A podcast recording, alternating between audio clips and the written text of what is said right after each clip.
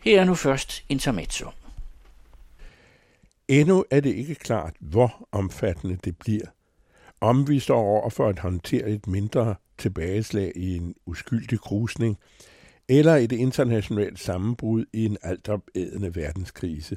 Forløbig trøster finansrådgiverne med, at vi blot oplever flere af hinanden uafhængige uheldige faktorer løbe sammen i spanden.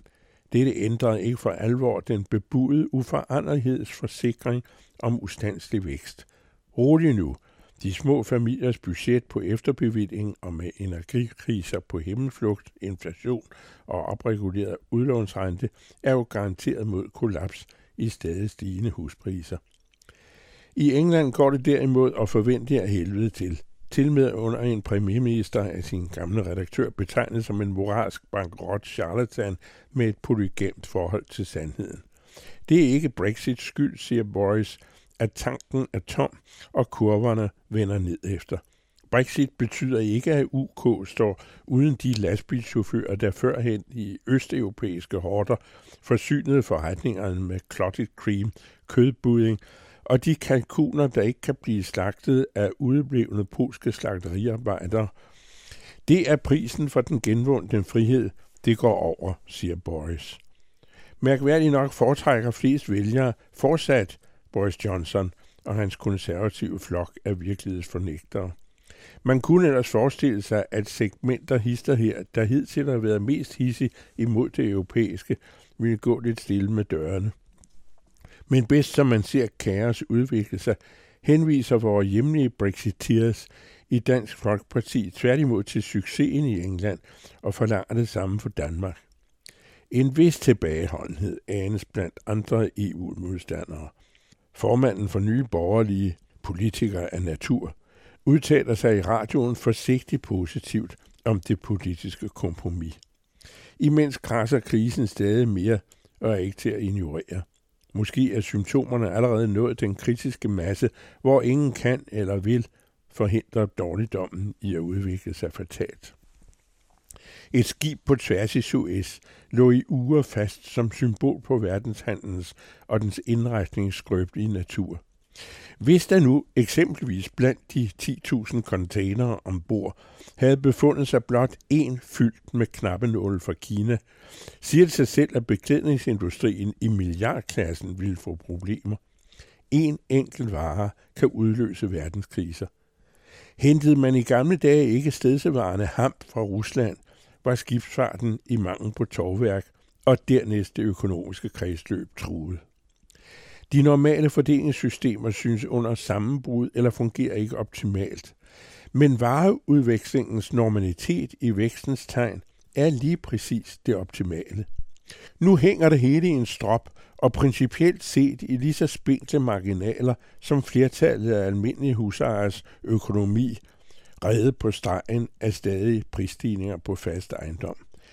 Det er ikke en boble, siger finansfolkene. For en mere ædruelig betragtning forekommer den bristefærdige, i øvrigt i overensstemmelse med de vanlige lange bølgebevægelser i den kapitalistiske orden, op for at gå ned, for at gå op igen, og fanden renser ud på nedturene og tager de skrøbelige faldet. Det lader til, at Karl Marx's værk igen bliver hentet ned fra hylderne. Det er ikke så tosset. Uden at hænge ejendomsmælerne i nærmeste lygtepæl og genåbne gulag, kan man faktisk risikere at blive klogere af at studere den gamle kritikers analytiske mesterstykker. I den situation, vi nu er ved at glide ud i, bliver hensynet til rimeligere fordeling, til klima og miljø mindre fremtrædende for snart at begrænse sig til pligtstof i festtalerne. Den restløse coronatid med rigelige penge til rådighed har som det ses i morgentrafikken medført flere og større biler med øget brændstofforbrug og i bred forstand prisstigninger. Situationen er ikke kun labil med forbigående ulemper. Situationen kan medføre hvad som helst. I kriser benytter autokratiske typer lejligheden til at stramme op og skære ned og låse af og gå i krig. England er igen ved at lægge mærke til. Det gamle imperium, der kun eksisterer i det britiske nationalistiske credo, rejser sig i mindre vejret. Midalderne overklassedrenge ved muffen i Whitehall indgår en oversøisk alliance og Royal Navy viser at der St. George-slaget i Stillehavet. England er ganske vist kun med som statist. Men øget pres på britisk økonomi, mere varemangel og flere irritationsmomenter, der snart truer selve den moralske bankrot i Downing Street, kan føre til interne trusler mod Boris som partileder. De konservative er ikke sentimentale.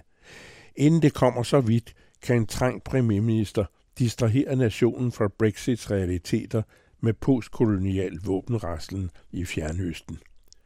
Ingen bør regne med, at en fortsat dødelig pandemi, et USA i opløsning og et England rundt på gulvet, et skib på tværs i Suez og en Merkel på aftægt ikke sætter sig dybe spor. Verden er under forandring af finansorakternes hævdede uforanderlighed. I hørte Georg Metz med sit ugenlige intermezzo, der kan høres her på den anden radio hver uge og læses om fredagen i Information.